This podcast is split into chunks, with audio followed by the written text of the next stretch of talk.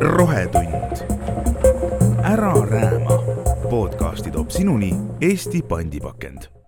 uuringuist on selgunud, et need inimesed, kes peavad end keskkonnasäästlikuks, seda tegelikult ei ole ja vastupidi.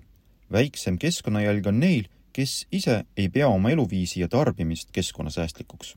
miks on noorte seas niinimetatud kliimaärevus ehk mure planeedi tuleviku pärast, mida nad praegu veel piisavalt mõjusalt muuta ei suuda?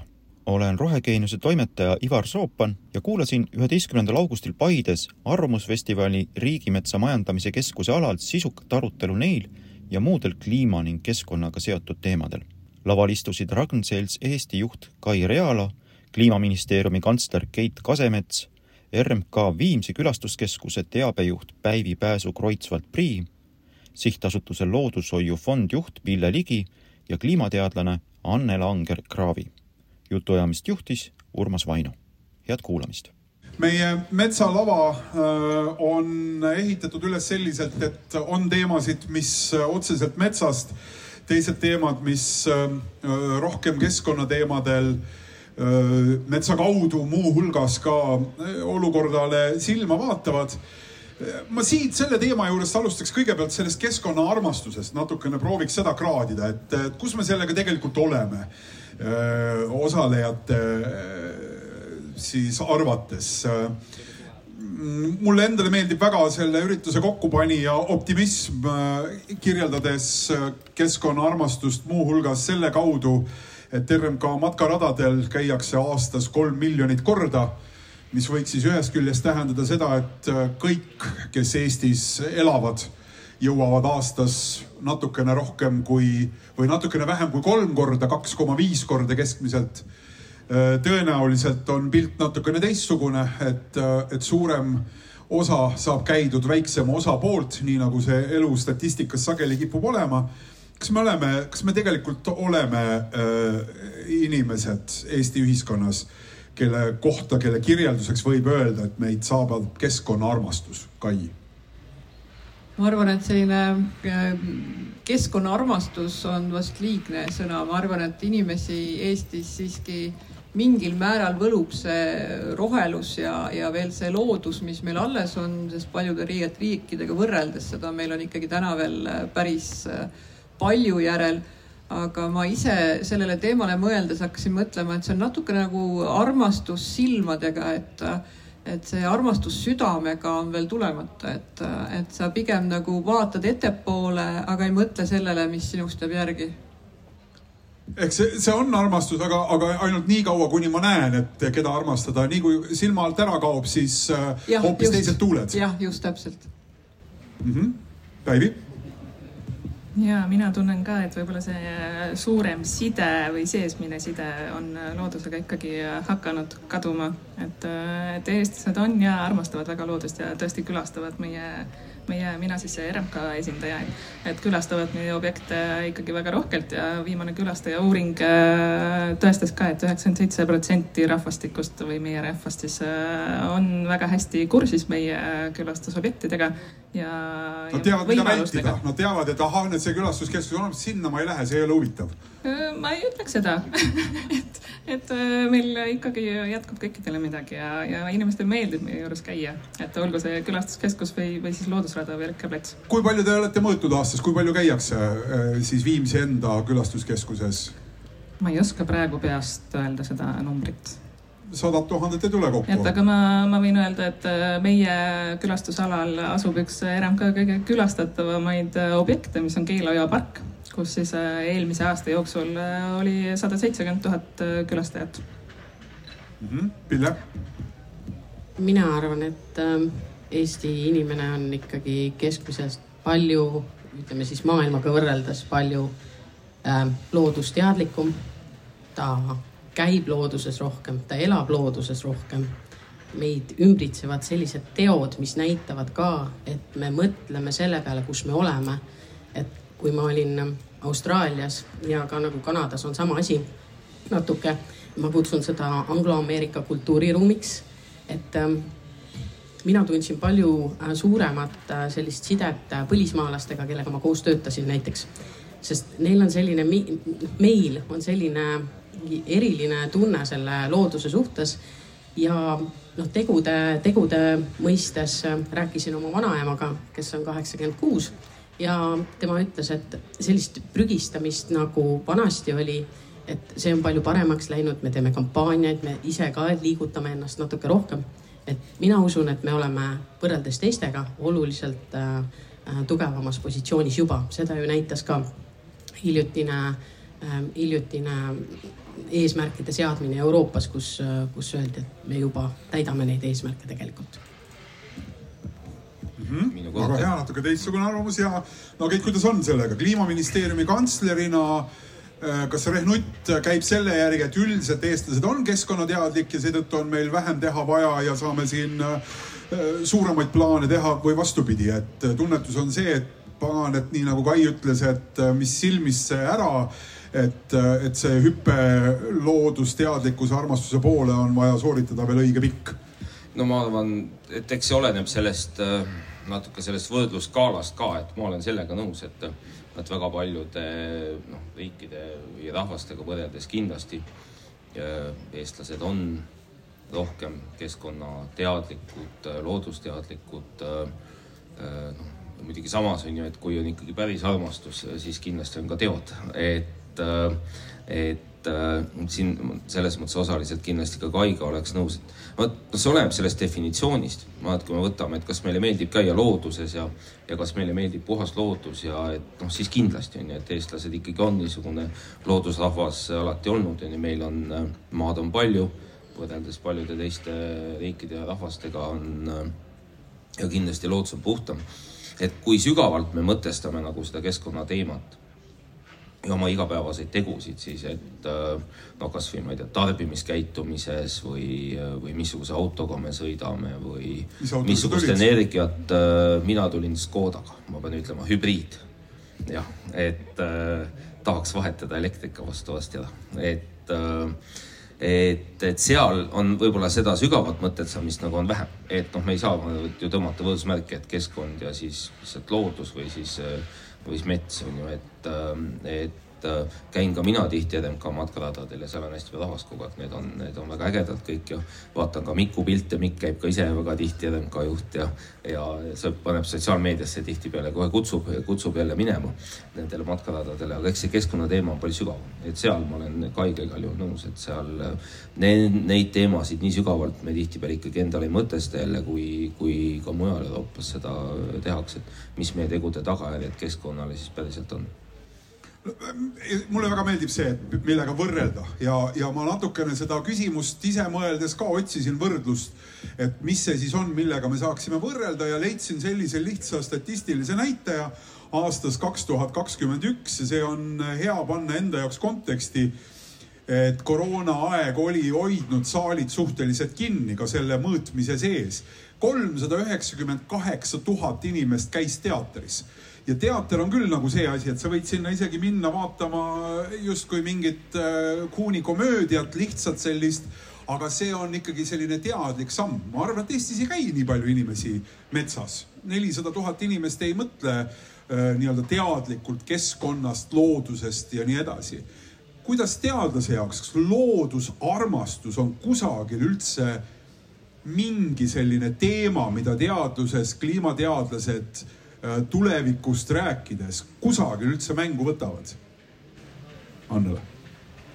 see on, aitäh ja see on, see on väga hea küsimus um,. jah ja ei on, on see vastus tegelikult, aga et um, viimane valitsustevahelise kliimapaneeli äh, raport räägib tegelikult hoolivusest ja inimeste käitumisest ja ütleb et, et äh, viiskümmend kuni seitsekümmend protsenti kasvuhoonegaase saaks vähendada kahe tuhande viiekümnendaks aastaks ainult oma käitumist muutes. nii et kui me selle tõlgendame siis armastuseks planeedi ja looduse vastu, siis, siis äh, on ta teaduses tegelikult olemas. aga kui me vaatame nüüd selle, vastates sellele algsele küsimusele, et kas eestlane hoolib kui vaatame siis fossiilkütuste põletamist ja selle vähendamist ja fossiilkütuste põletamine ongi kliimamuutuste põhjus, peamine põhjus. Ähm, natukene on ka teisi kasvuhoonegaase, siis äh, selle, selle kõik on juba, räägivad kliimamuutustest ja kui olulised nad on, aga kuna need piisavalt kiiresti ei vähene, siis seal seda armastust nagu väga ei paista. aga kui võrdlema hakkame, siis mina tulin bussiga ja, ja ja, ja, ja siis. ma tulin Pärnust, sealt on väga raske on äh, bussiga tulla, ma oleks muidugi olnud seda. See on kliimaministeeriumile lahendada siis. Ähm.. see on regionaal- ja põllumajandusministeerium. Aga rohelisuse kohta, et kui ilus meil siin on, minu omaaegne äh, doktoritöö juhendaja käis äh, enne Covidit siin Eestis ja meie sõitsime Tallinnast Saaremaale. ja äh, härra, vanahärra jääb mingi hetk väga tõsiseks ja vaatab mulle otsa ja küsib, kas teil peale metsa siin midagi muud ka on? Nii et me oleme väga-väga õnnelikud, meil on väga roheline, väga ilus. kuulge, ma tõmban sellesama küsimuse natukene nagu kõrgemale tasandile, et äh, kui suur äh, probleem äh, nii-öelda Eestis endas ja, ja lõpuks me peame kogu aeg mõistma, et me oleme ikkagi nagu nii väike osa ühest suurest nähtusest nimega inimkond, eks ju. aga et kui äh, nagu mõjuvõimas võiks meie enda käitumine olla sedasama, mida Annele Hettekasi ütles äh, nii-öelda oma jälje vähendamise kontekstis. et, et kus me siin nagu päriselt oleme, see on nüüd halastamatu küsimus. kas me täna nagu saame aru ja kas me täna tegelikult noh, teeme midagigi selle osas süsteemselt eks muidugi inimesed on väga erinevad, osad muretsevad vähem, osad muretsevad rohkem. kas me midagi teeme süsteemselt, kas me oleme kuskilt nagu kurssi muutnud, Pille? no Tartu Ülikoolis ähm, Maie Kiisel uurib ähm, sotsiaalteaduste poole pealt, kuidas ja mida inimesed teevad keskkonna jalajälje vähendamiseks ja, ja kuidas nad sellesse suhtuvad. mina maailm meedia on üks tohutult suur uuringu mm, siis uuring neil Tartu Ülikoolis, mida nad siis aastast aastasse kordavad. ja ähm, ilmus ka tal üks äh, Novatoris üks artikkel sellel teemal, kus äh, siis inimeste endi vastustest lähtuvalt ähm, kas nad pidasid ennast keskkonnasäästjateks või siis mittesäästjateks, eks ju, äh, kategoriseeriti ära ja siis hakati vaatama, äh, et kuidas siis nad tegelikult käituvad ja suur on üllatus, need, kes peavad ennast mittesäästjateks, elavad säästlikumalt kui need, kes peavad ennast säästjateks. ehk siis ähm, kui võrrelda näiteks ähm, toitu, ähm, meelelahutust, kõike sellist tarbimise osa, siis need, kellel, kes on jõukamad, nad tarbivad rohkem ja nad peavad ennast ka keskkonnasäästlikumaks, sest nad teavad, noh, et see on oluline, eks. ja need, kes on mittesäästjad, neil näiteks on ka palju vähem autosid. palju vähem on äh, peres autosid. Neil on palju vähem põhjust sõita Pärnust Paidesse. Jah, just või siis Paidest Pärnusse edasi, nii nagu mina, üks buss tuleb päevas kell üksteist Rakverest. et noh, ei saa õhtul koju, eks. ja, ja, ja, nüüd ongi ähm, see teema, et äh, mis see keskkonna säästmine üldse on et kas me seda oleme nagu endale äh, lahti mõtestanud et ähm, see Maie Kiisel ja siis see uuring toob ju välja ka selle, et äh, inimesed, äh, kes on omast arust säästlikumad, nad reisivad rohkem kaugemale. Noh, ehk siis lennukitega, eks ju, ehk siis kogu see jalajälg, ökoloogiline jalajälg on nendel lõppkokkuvõttes suurem. Ja ma ei räägi ainult mitte kliima ja süsinikust, vaid noh, lihtsalt ka nagu asjade tarbimisest. Neil on võimu rohkem tarbida ja nad teevad seda. ehk siis minu küsimus ongi olnud, et äh, kas, kas ja kui palju oleme me suutnud riigina suunata seda kommunikatsiooni jõukamatele inimestele kas on vaja mootorpaadiga sõitmas käia, eks ju. noh, võib-olla on, aga kuidas me tegelikult suured tarbijad äh, suudame panna teistmoodi mõtlema, kas me suudame? Kai, kas äh, siin kirjeldatakse meid praegu? ja täiesti kindlalt tundsin ennast ära, et äh, ma pean tunnistama, et see teema on ka mind mitte küll nüüd sellisel teaduslikul baasil pannud mõtlema, aga pigem nagu just täpselt samale asjale, et kuigi tänast oma töökoha valikut arvestades ma olen paljusid oma selliseid äh, igapäevaseid äh, põhimõtteid äh,, ma ei tea, ostude sagedust, mida ostan ja kõike natuke muutnud. aga, aga täiesti aus vastus on see, et tõepoolest, ega tegelikult nagu sellises äh, mastaabi mõttes ilmselgelt mul on veel kõvasti areneda. tuleb ikka midagi vähemaks võtta, lendamist ja õnneks mul ei ole mootorpaati, mul ei ole selles suhtes kiusatust uh mis seisus nii-öelda seal Viimsist inimestele rääkides keskkonnajuttu, rääkides, et vot siit edasi algab lootus ja, ja siit läheb edasi nagu matkarada, et kuidas seal see olukord vastu vaatab? Äh, millisena seda olukorda tajutakse, tulles majast kakssada viiskümmend kaks ruutmeetrit, elame siin naisega kahekesi, sest et laps käib Londonis koolis, eks ju. Et, äh, et kuidas seal see vastu vaatab, kuidas, kuidas te seda seal tajute? No mina ei ole ise Viimsi elanik, et. Äh, no seda põnevam on tööl käia seal.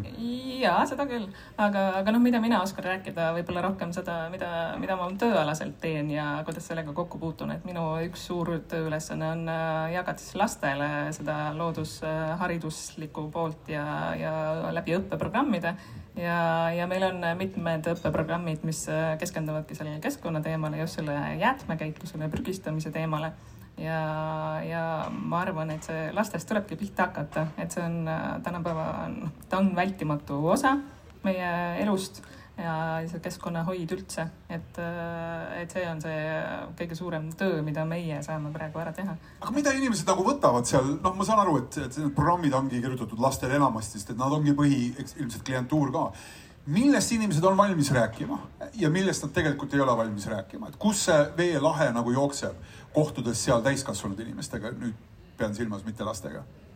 või te ei lähegi nende ebamugavusteemadel peale, issand, kui tore, et sa tulid, oled valmis juba metsarajale minema, oled valmis loodusega kohtuma, sind ei ole potentsiaalselt vajagi nokkida üldse no meie suur väärtus kindlasti RMK õppeprogrammidel on see, et meie õpetame seda päris elu, et äh, kui õpilased tulevad meile koolist õpiku äh, või raamatu tagant ja, ja sealt äh, nii-öelda teooria, teoreetilisest maailmast, et siis meie saamegi näidata seda päris külge sealt.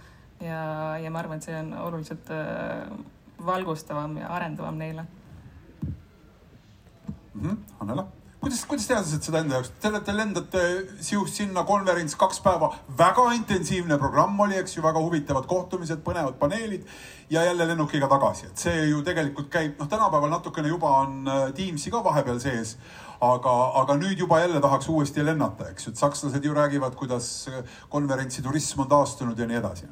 jah, keegi peab lendama, et öelda teistele mitte lennata, jah. Ja aga, aga tõsiselt, tõsiselt rääkides, et tegelikult on peale Covidit väga huvitav, et poolepäevaste päevaste kohtumiste päeval enam ei lennata.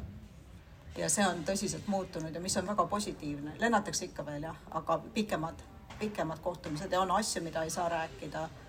kui on näiteks kliimaläbirääkimised, siis ei saa rääkida läbi, läbi Teamsi, sest seal on teistmoodi, seal on vaja olla usaldust, on vaja rääkida koridorides aga see on jah positiivne, et seda on vähem. noh, see kirg nüüd tagasi minna sõitma, et see kindlasti on, et, et inimesed tahavad ikkagi noh, üksteist ka nii-öelda kolme mõõtlemi-, mõõtmelisena näha ja, ja ja nuusutada, et, et eks see, sellest me tundsime puudust. ai, aga see on arusaadav, aga kui palju aga... räägitakse sellest, et me, see, mida me ise siin teeme, on ka tegelikult probleemi osa? jah, aga sellele ma tahtsingi tulla, et ähm, et noh, teadlased seda kõikidel ülikoolidel, ka, ka Cambridge'i ülikoolil on oma kliimaneutraalsuse eesmärk kahe tuhande kolmekümnendaks aastaks.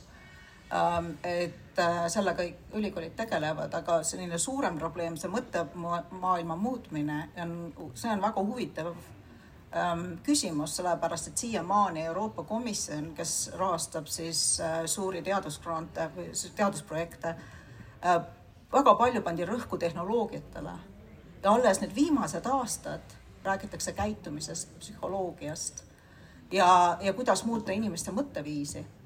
et see on, see on huvitavalt on alles uus, uus, uus asi ja nüüd ka viimati väga hiljuti siis äh, on ka kaasatud kunstnikud, kultuuriinimesed sellesse meedia ähm, nendesse projektidesse ja mul oli ka just, just nädal tagasi au võita koos norrakatega üks suur grant kus me hakkamegi siis kunstnike, arhitektide, meediategelastega äh, koos siis nagu uurima, et kuidas saab seda mõttemaailma muuta, et me kõik kasvame ju üles muinasjuttudega. me kõik teame, millised muinasjutud on. on vaene tüdruk, kes abiellub rikka printsiga, saab rikkaks ja tal on kõike hästi palju. aga see mõtteviisi muut, peab muutuma, see, et tuleb, tuleks leppida vähemaga, kuna meid on väga palju ja see on väga-väga keeruline. Kas me enam kasvame nende muinasjuttudega üles, ma mõtlen, kas ma oma lastele olen neid vaese tüdruku ja, ja printsi lugusid lugenud, mitte vist väga enam, et, et mul on kaks nagu sihukest mõtet, et ma arvan, et kui me vaatame, tulen selle algse küsimuse tagasi vaatame seda ühe inimese või leibkonna nagu siis seda süsiniku jalajälge, et noh, millest see siis tegelikult koosneb, valdavalt see on just kõik, seal on väiksed vahed, et, et kui palju seal võib-olla tõesti kaatriga sõita ja kui palju lennata, aga noh, laias plaanis on see niisugune kakskümmend miljonit tonni CO2 aastas ja ja sisuliselt see siis tuleb kokku on ju energia tarbimisest, siis tõesti transpordist ja, ja mobiilsusest igapäevasest ja, ja siis ütleme tarbimisest ja, ja, ja toitumisest. ja tegelikult see loodusosa on seal pisike, on ju, inim-, inimese mõttes ütleme, jäätmekäitlus veidikene ka, aga siiski ka tegelikult päris, päris väike roll. Ja, ja selleks, et nüüd teistmoodi käituda, ega siis äh, tihtipeale need lahendused on kallimad. Inimestel ei ole, ei ole võimalik neid kasutada, nii et natuke räägin nüüd teist juttu, Pille, kui sina on ju, et, et meil on ka just hiljuti sai ka valmis üks uuring Riigikantselei tellimisel just niisugusest inimeste keskkonnakäitumisest ja, ja tarbimisharjumustest ikkagi hind on noh, üks neid kõige, kõige põhilisi, kõige põhilisi kriteeriume, mille järgi siis inimesed oma oma otsuseid teevad. teine on mugavus. no siin nagu transpordi puhul on ju, et noh, ma, paljud oleks valmis loobuma oma, oma autost, mitte sõitma oma autoga, aga no ei saa selles mõttes, et kus see, ei saa ju kuskile, nagu me siin just, just rääkisime, et et noh, meie võime ka võtta, et me oleme ka siin selle probleemi osa, et võib-olla oleks pidanud Teamsis tegema selle arvamusfestivali. et, et kes on siis Pärnus ja, aga noh, see ju ka ei ole lõpuni lõpuni nagu lahendus, et teine on siis see mugavuse pool ja kolmas on siis tõesti väärtused, et kui palju siis väärtuste põhiselt siis äh, käitutakse teisiti. Ja siin ma tahtsin just, see on, millest tegelikult sina rääkisid, tahtsin selleni jõuda, et ma arvan, et meil on tegelikult hästi suur põlvkondade vaheline erinevus nendes väärtustes ja, ja siis selles käitumises, et äh, et noored äh, väga väärtustavad ikkagi keskkonnateadlikku ja, ja kliimateadlikku käitumist ja isegi siis, kui nad võib-olla ei käi teil RMK matkaradadel, et saavad seda informatsiooni mujalt, saavad äh, sotsiaalmeediast, oma kogemustest, äh, sõprusringkonnast ja, ja see on neile hästi tähtis ja palju tähtsam kui sellele vanemale põlvkonnale, nii et eks see muutus ka tuleb mingis mõttes niisugune järk-järguliselt ja, ja mina tean küll väga palju noori inimesi, kes ka on oma keskkonnaarmastuse pööranud tegudeks ja tegelikult ka mõtlevad ja käituvadki, käituvadki äh, teistmoodi. ma tahaks siit korra, mul sind kuulates tekkis väga hea selline paralleel, et et tegelikult lisaks sellele, et äh, tõsta seda teadlikkust, on tegelikult vaja ka selliseid nagu töövahendeid, et kui ma alati, kui ma noori inimesi juhendan ja koolitan ja juhtimiskoolitusi teen siis ma ütlen, et see on teooria, aga teil tegelikult selleks, et olla edukad, teil peaks olema ka mingisugused reaalsed töövahendid, mida ma homme hakkan tegema teisiti või mis on see, mis mind hoiab sellel kursil.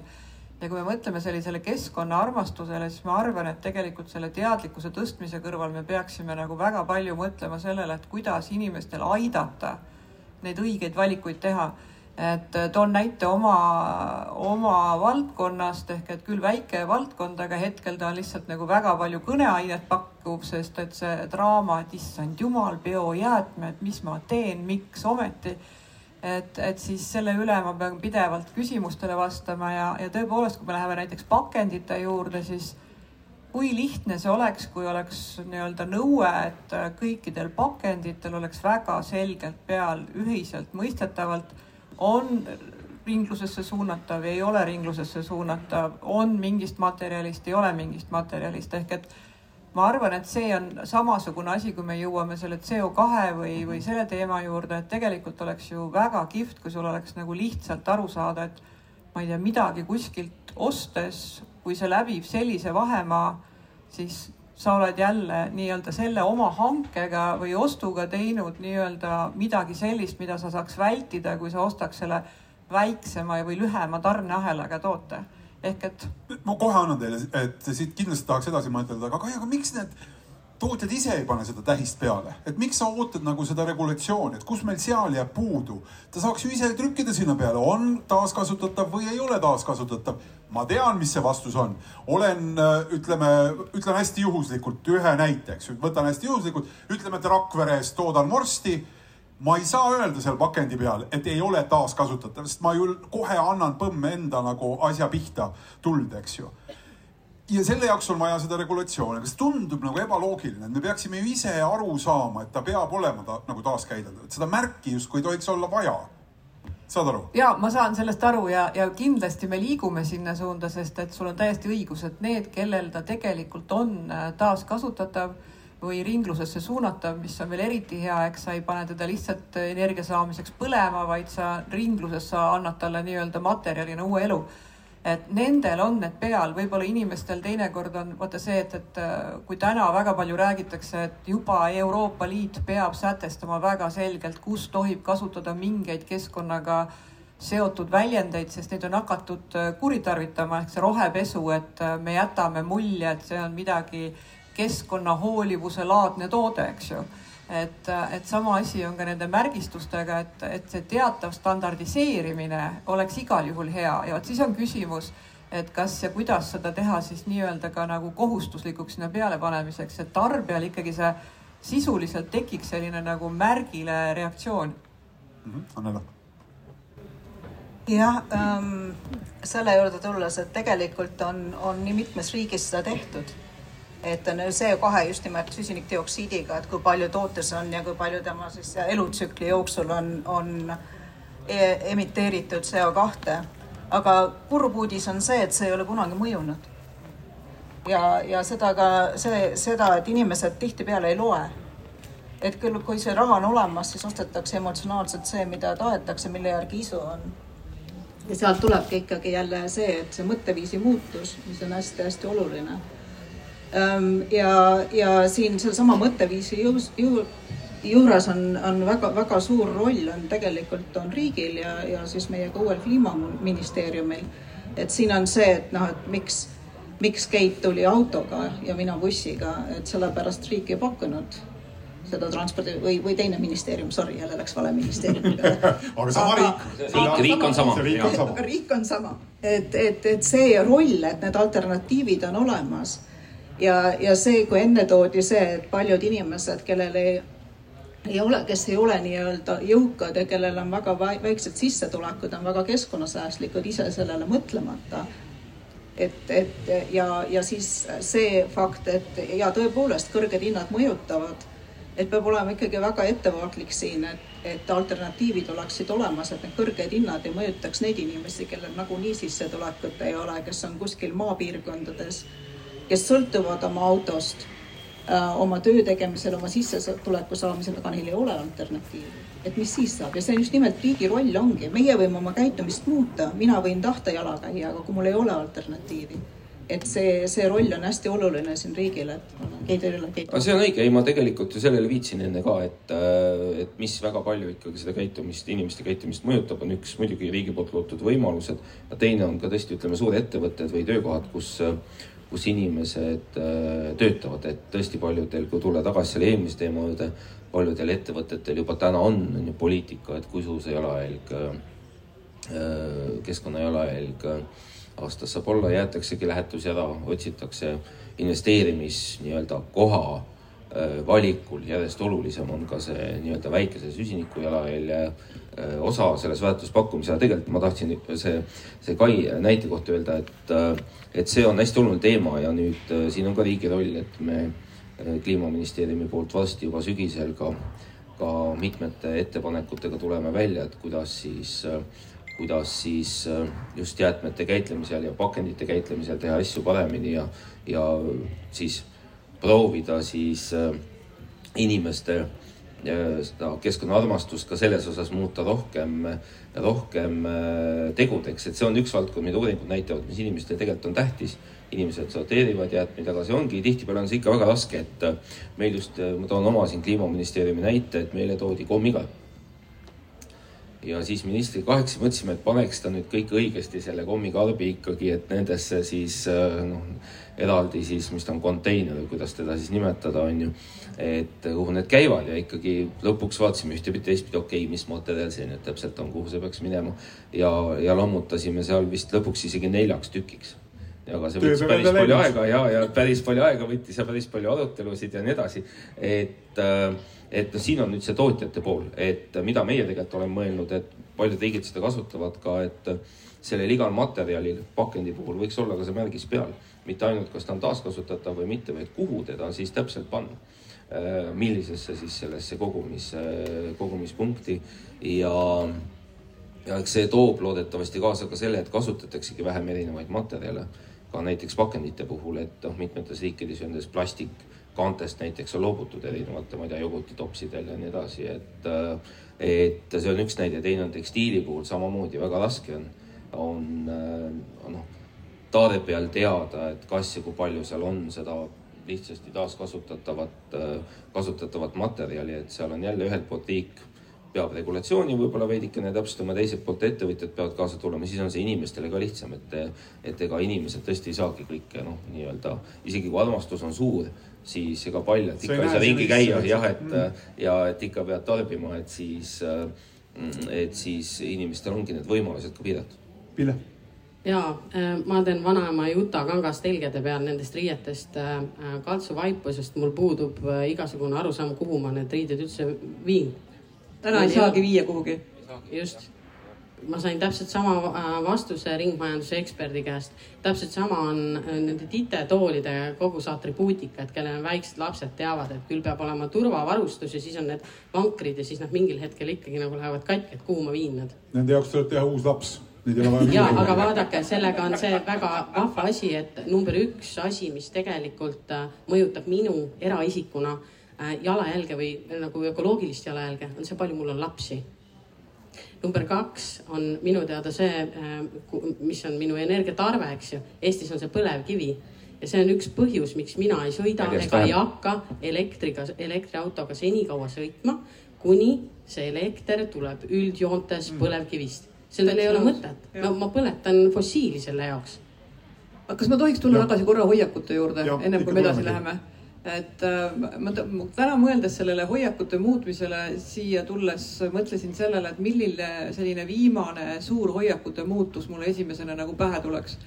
Ja mulle tuli meelde see turvavöö pealepanemine autoga sõitmisel, et kui me mäletame, noh, mina olen selles vanuses, et äh, mäletan veel seda, et kõik sõitsid ilma turvavööta ja lapsed seisid tagaautos püsti ja noh, täna paljalt mõeldes sellele hakkab õudne juba aga, aga tegelikult selle muutuse läbiviimine võttis aastaid, kui me räägime nagu selle, et me viime selle nagu normiks.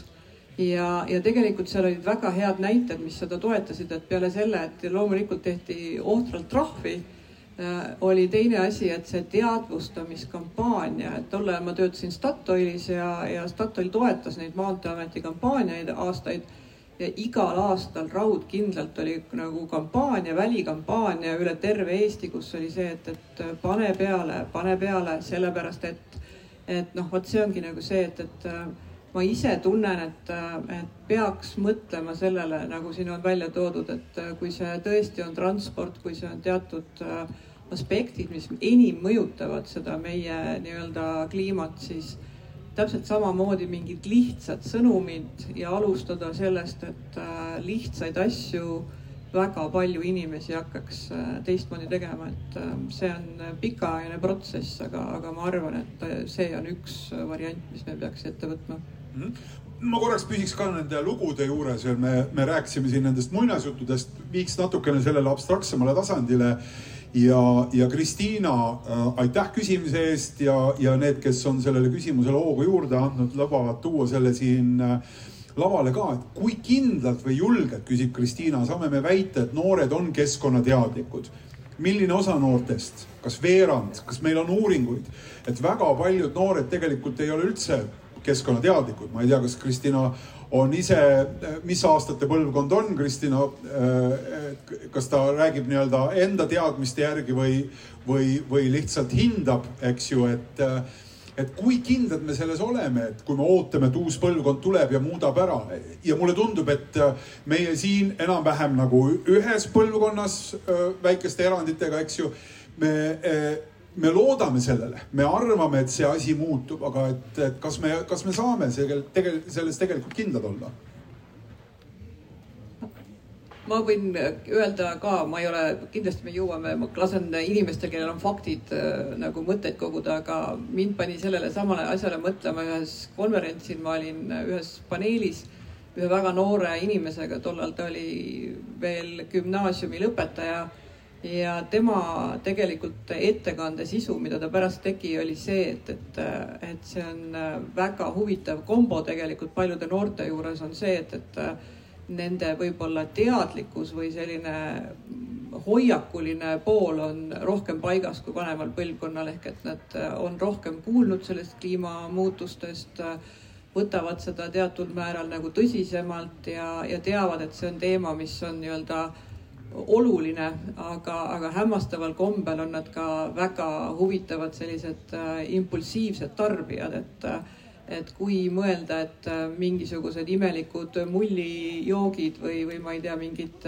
bubble tea'd või mis tuuakse kaugelt ja jumal teab mida, nad on valmis tegelikult väga palju pingutama ja tegema väga impulsiivseid oste, mille taga ei ole mitte mingisugust ratsionaalset kaalutlust ja noh, see ei ole minu välja mõeldud, vaid see oli tollal selle noore äh, inimese nagu enda sõnum, et äh, ta oli influencer ja ütles nagu seda oma kogemuse põhjal. et nüüd ma annan sõna siis kellelegi, kellel on äkki ka faktid välja tuua.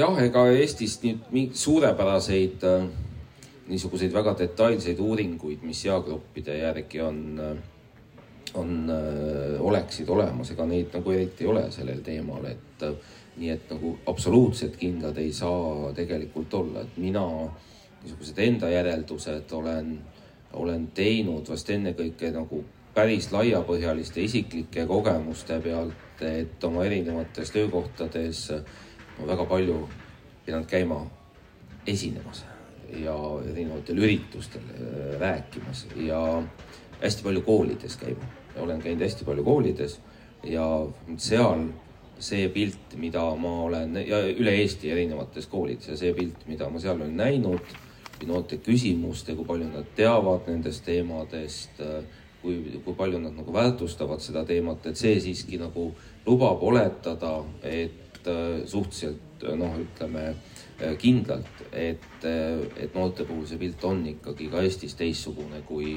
kui vanemaealiste inimeste puhul, kellel nii see hariduslik taust, inforuum, kogemus, kõik on teistsugune harjumus, et kõik on, kõik on teistsugused. Annela. jah, et täpselt kui palju siis noorte, noored vähem ähm, kliimamuutustele kaasa aitavad, et täpselt seda ei tea, aga noh, fakt on see, et, et kasvuhoonete, kasvuhoonegaaside kontsentratsioon atmosfääris suureneb. et hoolimata sellest, et noored on teadlikumad et, ähm, et seda ikkagi meil on kahe tuhande kolmekümnenda aastani on aega, et see stabiliseerida, äh, siin fossiilsete kütuste põletamine. aga praeguseni seda märke ei ole, ehkki need aastased emissioonid on hakanud aeglustuma. et noh, osaliselt kindlasti on see noorema põlvkonna põlvkonna teene, aga noh, kui Eestit vaadata, siis Eesti emissioonid ei ole kindlasti mitte noorte pärast vähenenud kuigi ähm, keskmiselt on siis maailmas iga inimene emiteerib oma elu, elu ähm, tarbimise käigus äh, viis tuhat tonni äh, sisendikdioksiidi. Eestis on see rohkem kui kaks korda suurem. aga just nimelt kui palju on teenet sellel põlevkivil mm. et, et kui seda mõelda, et siis sellega me oleme kuskil esirinnas maailmas esimese kümne seas ja nii väikse riigi kohta on see jah. USA-ga me enam päris rinda ei pista, et viimased aastad, aga enne seda me pistsime, et olime samal tasemel, et üks suuremaid emiteerijaid maailmas. inimese kohta just nimelt, et, et, et see, eks ole ähm,. et see muutus peab, peab kuskilt tulema, aga see ei ole ainult noorte äh,, noorte teema ja noortel on ka, on ka selline asi ähm, nagu teada, mis on siis climate anxiety ma ei tea, mis ta eesti keeles võib olla siis kliimaärevus ja see ka osaliselt seletab seda impulsiivsust, et on hirm, on hirm, et nemad on viimane põlvkond, ähm, on hirm, et, et hoolimata sellest, mida nemad teevad, nad ennast päästa ei suuda. ja, ja tegelikult nagu on hästi oluline see, et, et ei saa ainult äh, negatiivsete sõnumitega neid asju lahendada, et on ka palju positiivset, et peaks vaatama rohkem positiivsele. Ja teine asi, tuleb kõigiga rääkida, et siin selja taga on nüüd üks pilt, kus äh, keskel kindlasti tunnete ära Greta Thunbergi, et ma usun, et siin on ka inimesi, kes on Fridays for Future liikumisest, kes on selle algataja.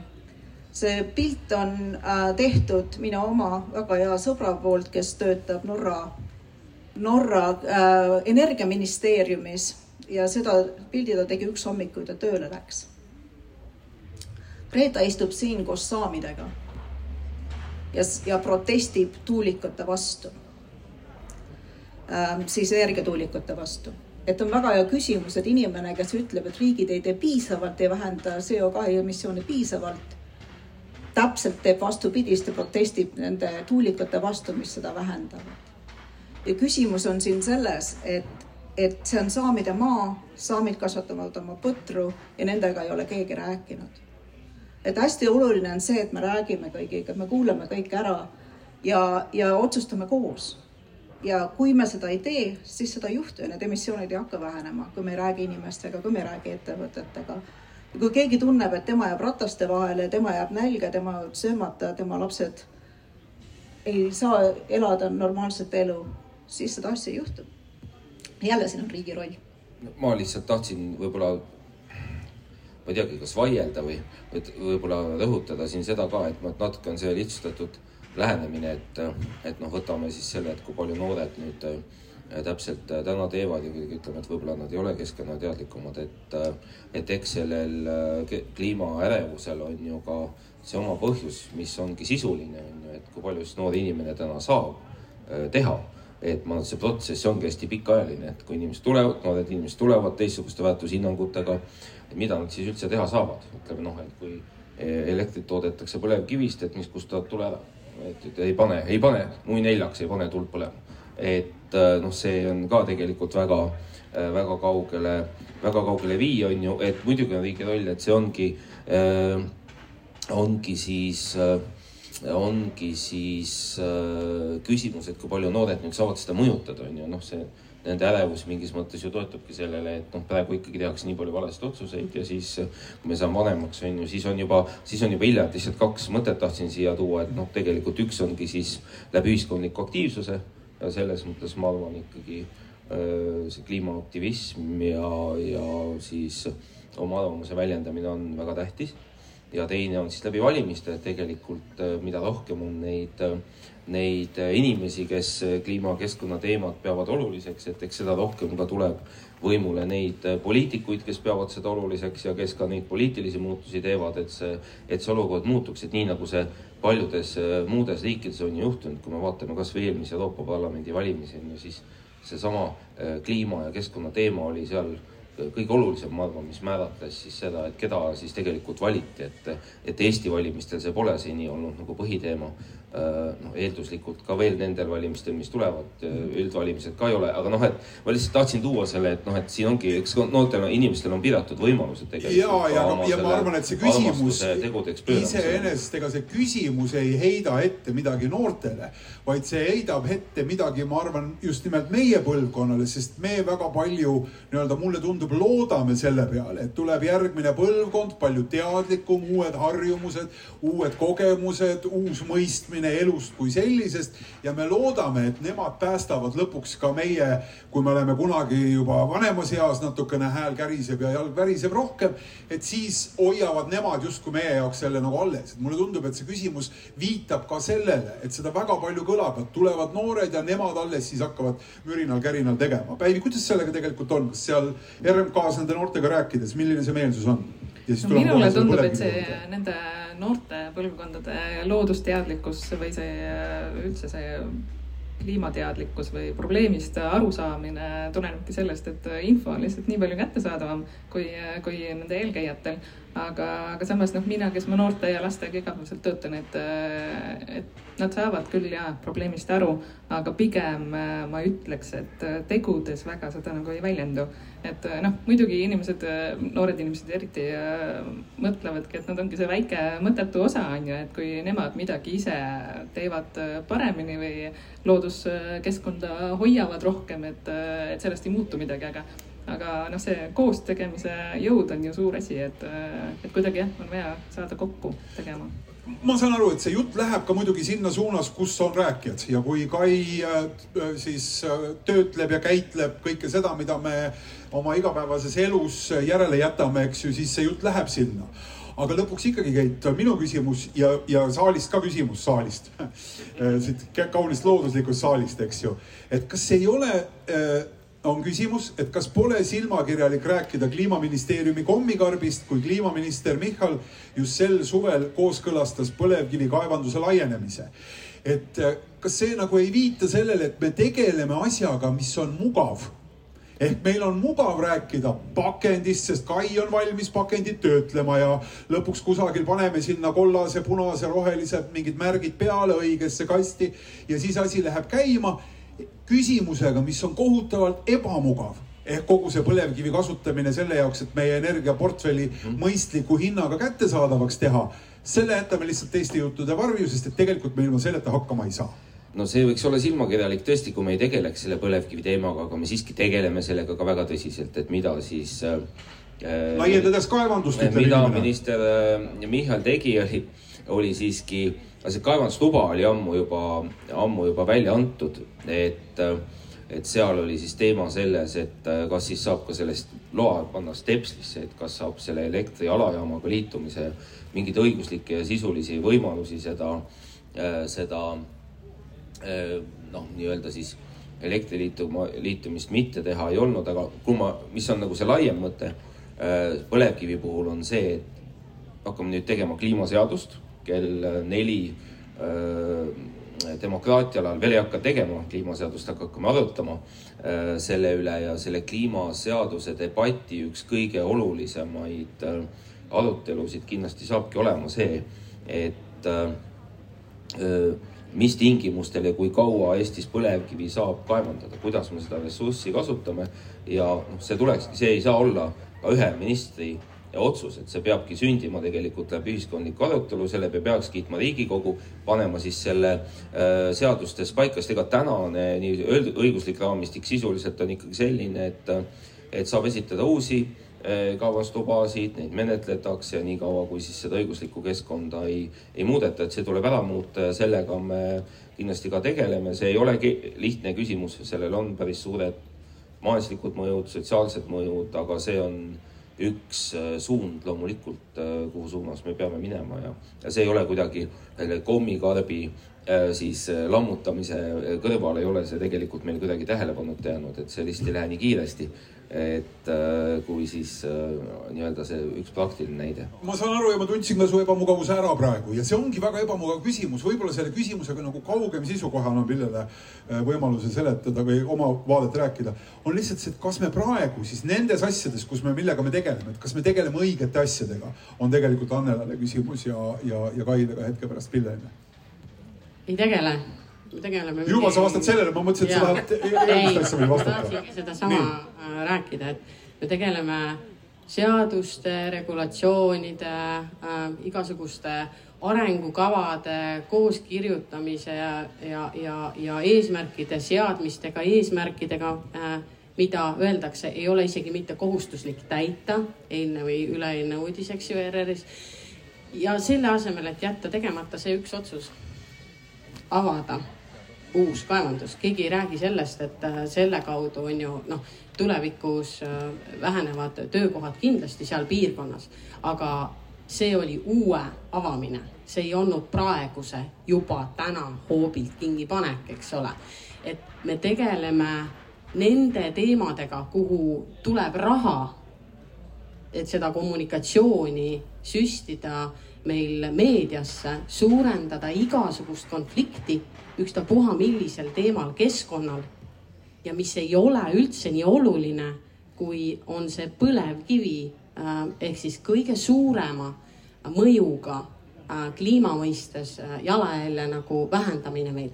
Annela võib neid arve, ma arvan, paremini peast öelda, et kui suur hulk sellest kliimapanusest on siis, eks ju, põlevkivil ja kui palju kõik muud asjad.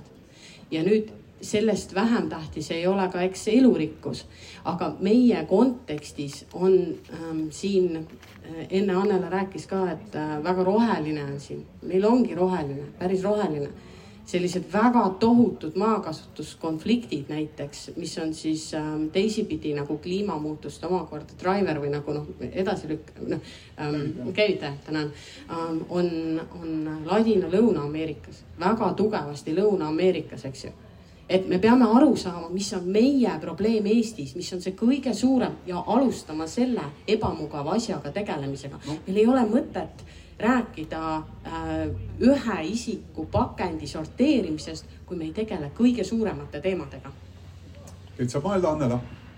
oh jah, et äh, jah, et meil läheb ka siin pessimistlikuks see asi ära, aga tegelikult lootust veel on aga jah, et kliimamuutused, et, et mis see on, kui kordame korraga üle, et mis asi see on. Ähm, et kliimamuutuse põhipõhjuseks ka üle kaheksakümne protsendi on fossiilsete kütuste põletamine, ehk siis me võtame maalt välja süsinikku, mis seal on väga kaua olnud, põletame seda ja lisame seda õhku süsinikdioksiidina. süsinikdioksiid on selline molekul, millel on väga hea omadus ja ta püüab kinni sooja. päikese, päikesekiirgus tuleb maale, soojendab, soojuskiirgus tuleb atmosfääri ja, ja süsinikdioksiid püüab selle kinni ja peegeldab tagasi. Äh, kui süsinikdioksiidi õhus ei ole, seda on väga-väga vähe vaja, praegu meil on nelisada viisteist äh, osakest miljoni osakese kohta, molekuli kohta õhus äh, enne fossiilsete kütuste kasutuselevõttu oli see kakssada kuuskümmend, kakssada kaheksakümmend aga sellest piisab, et hoida maakera keskmist temperatuuri pluss viisteist aastaringselt. ilma selleta oleks maakera keskmine temperatuur miinus kaheksateist aastaringselt. Nüüd, kui me sinna, igaüks saab nüüd aru, et kui me hakkame sinna neid molekule juurde lisame, siis me hakkame seda kliimasüsteemi soojendama, sinna tuleb rohkem energiat ja kliimasüsteemi käitumine muutub. ja tekivad ekstreemsused, tekivad ekstreemsed põuad Ähm, see ühekraadine soojenemine ei olegi tegelikult nii suur probleem iseenesest. tekivad põuad, tekivad tormid, üleujutused, mida me ka see suvi oleme kõik ajakirjandusest lugenud ja, ja Monika kindlasti näinud. Ja see on just nimelt see probleem, et see suur probleem on, et tuleb lõpetada fossiilsete kütuste põletamine ja stopp, siin ei ole mitte midagi muud teha, et kui me tahame seda probleemi, äh, sellest kliimamuutuste probleemist lahti saada. Ähm, ja süsteemi noh soojeneb ühe kraadi võrra, võite iseendale mõelda, et kui kehatemperatuur soojeneb ühe kraadi võrra, mis tunne on, aga kui teil on normaalne kehatemperatuur kolmkümmend kuus, viis praegu näiteks, et see kliimasüsteem on sama keeruline süsteem.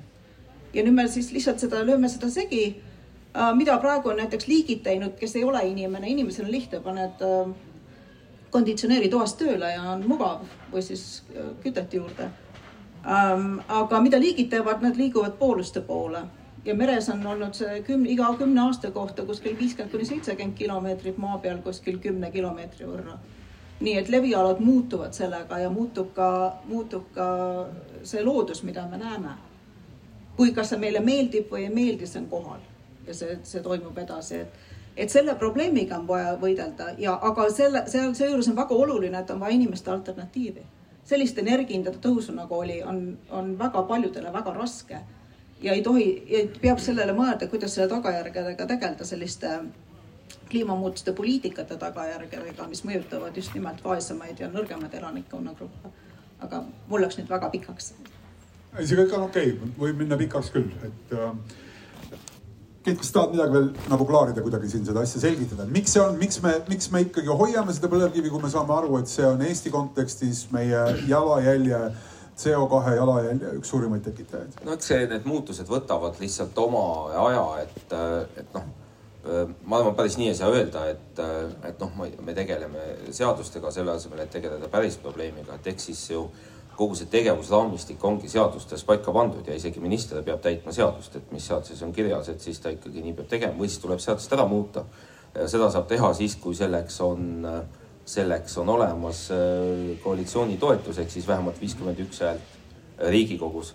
näen siin, vaatan ka siin eelmist ministrit, kes äh, universaalteenuse äh, põhise, põlevkivipõhise selle universaalteenuse tegija, ütleme eelmises Riigikogus neid hääli ei olnud ma arvan, tänases Riigikogus need hääled on olemas, et, äh, et siis tõesti teha ka niisugune otsus sama kliimaseaduse arutelu raames, et äh, konkreetsel, konkreetsel aastal põlevkivi kaevandamine lõpeb, teeks läbi selle, et uusi kaevanduslubasid välja ei anta. et ja no eks see täna see protsess meil käivitubki, need arutelud käivituvad ja ma arvan, ma julgen siin lubada, et et järgmiseks kevadeks on see eelnõu valmis, kus, kus see konkreetne ettepanek on kirjas ja siis me saame selle üle selle üle arutada, et äh, aga meil tuleb veel siin raskeid otsuseid, et juba meil on siin uus Enefiti põlevkiviõlitehas, mis on sisuliselt valmis. ja sinna on pandud väga palju ka nii-öelda maksumaksja raha, riigi siis äh, ettevõtte raha. On noh, kas me nüüd jätame andmata kasutusloa sellele uuele õlitehasele mingit õiguslikku alust selleks ei ole, eks ta ikka hakkab tegutsema. teeme siin hääletuse, äh, vaatame. muidugi andke ära, seaduseid võib ju muutma hakata tulevikus. et, äh, et noh, eks see kõik ongi, mis tegelikult on järk-järgult äh, saab neid muutusi, saab neid muutusi teha ja eks neid seadusi ikkagi saab muuta tõesti Riigikogus, kui seal on piisav valijate toetus, et niisugused, mis siis, mis poliitilised jõud on, on valitud. mina arvan, täna on seis hoopis, hoopis, hoopis parem ja teistsugune, kui see on olnud mitme eelmise Riigikogu koosseisu ajal ja ma arvan, et on võimalik kindlasti ka niisuguseid kliimasõbralikke ja keskkonnasõbralikke otsuseid äh,, otsuseid äh, teha. mul on nii hea meel, et äh, siinkohal ma saan sellele põlevkiviõlitehasele anda nagu uue idee, et tegelikult enam-vähem sama tehnoloogiaga saab teha vanarehvidest ja, ja siis ka äh, sellisest äh, ringlusesse suunamiseks mittekõlblikust plastist ehk et komposiitplastist saab teha õli no,. Neil ongi see mõte vist pikas perspektiivis jah, aga noh. Äh, et see, lihtsalt tahtsin vahemärkusena öelda, et, et see on täitsa üks rakendus, mis sellele asjale võiks olla. aga ma ka, ma väga tänan selle nagu äh, sissejuhat- või selle ülevaate eest, et ma hakkasin ise mõtlema, et äh, kuigi ma teadsin seda, et see nii-öelda meie peamine probleem on transport ja ennekõike fossiilkütused, siis ma tulen äh, ikkagi lõppude lõpuks Statoilist või nüüd täna siis Circle K-st oma, oma vana karjääriga. aga, aga tegelikult sellele ikkagi ma julgen arvata, et ei, ei ole üldist teadmist selle taga et see kõlab äh, nagu naljakalt, aga tõepoolest me võib-olla killustame seda fookust, et mul ei ole midagi muud öelda, et lihtsalt nüüd kõrvaltvaatajana, et, äh, et ilmselgelt äh, peaksime mõtlema sellele, et mis on selle kõige suurema mõjuga. ja, ja siin on tegelikult ikkagi tulles tagasi selle juurde, et kui me summeerime selle eesmärgi jaoks iga inimese pingutused, siis siin võib olla mingisugune mõju ja sest mina kuulen ka oma erinevatel kohtumistel, esinemistel peamiselt sellist tagasisidet, et ah noh, mis see minu asi või mis see minu pingutus loeb? Ja seda ütlevad täiesti intelligentsed inimesed, nad ütlevad, et no mis see minu pingutus loeb või mis see üldse kogu Eesti pingutus loeb või mis see Euroopa pingutus loeb et, et ka sellele tuleb anda mingisugune adekvaatne vastus, et ma ütleks, et võib-olla mingi mängukaart, kus sul on nagu pintsaku taskus ja iga kord, kui keegi küsib, et aga mis see minu pingutus loeb, siis võtad siit pinga, pintsaku taskust selle kaardi ütled, et minu pingutus loeb sellepärast, et kui me seda teeme kõik koos, igaüks teeb natukene, siis sellest tuleb selline suur asi. Et noh, see on nagu see tagasiside lihtsalt nagu teie, teie seisukohtadele rohetund. ära rääma. podcasti toob sinuni Eesti pandipakend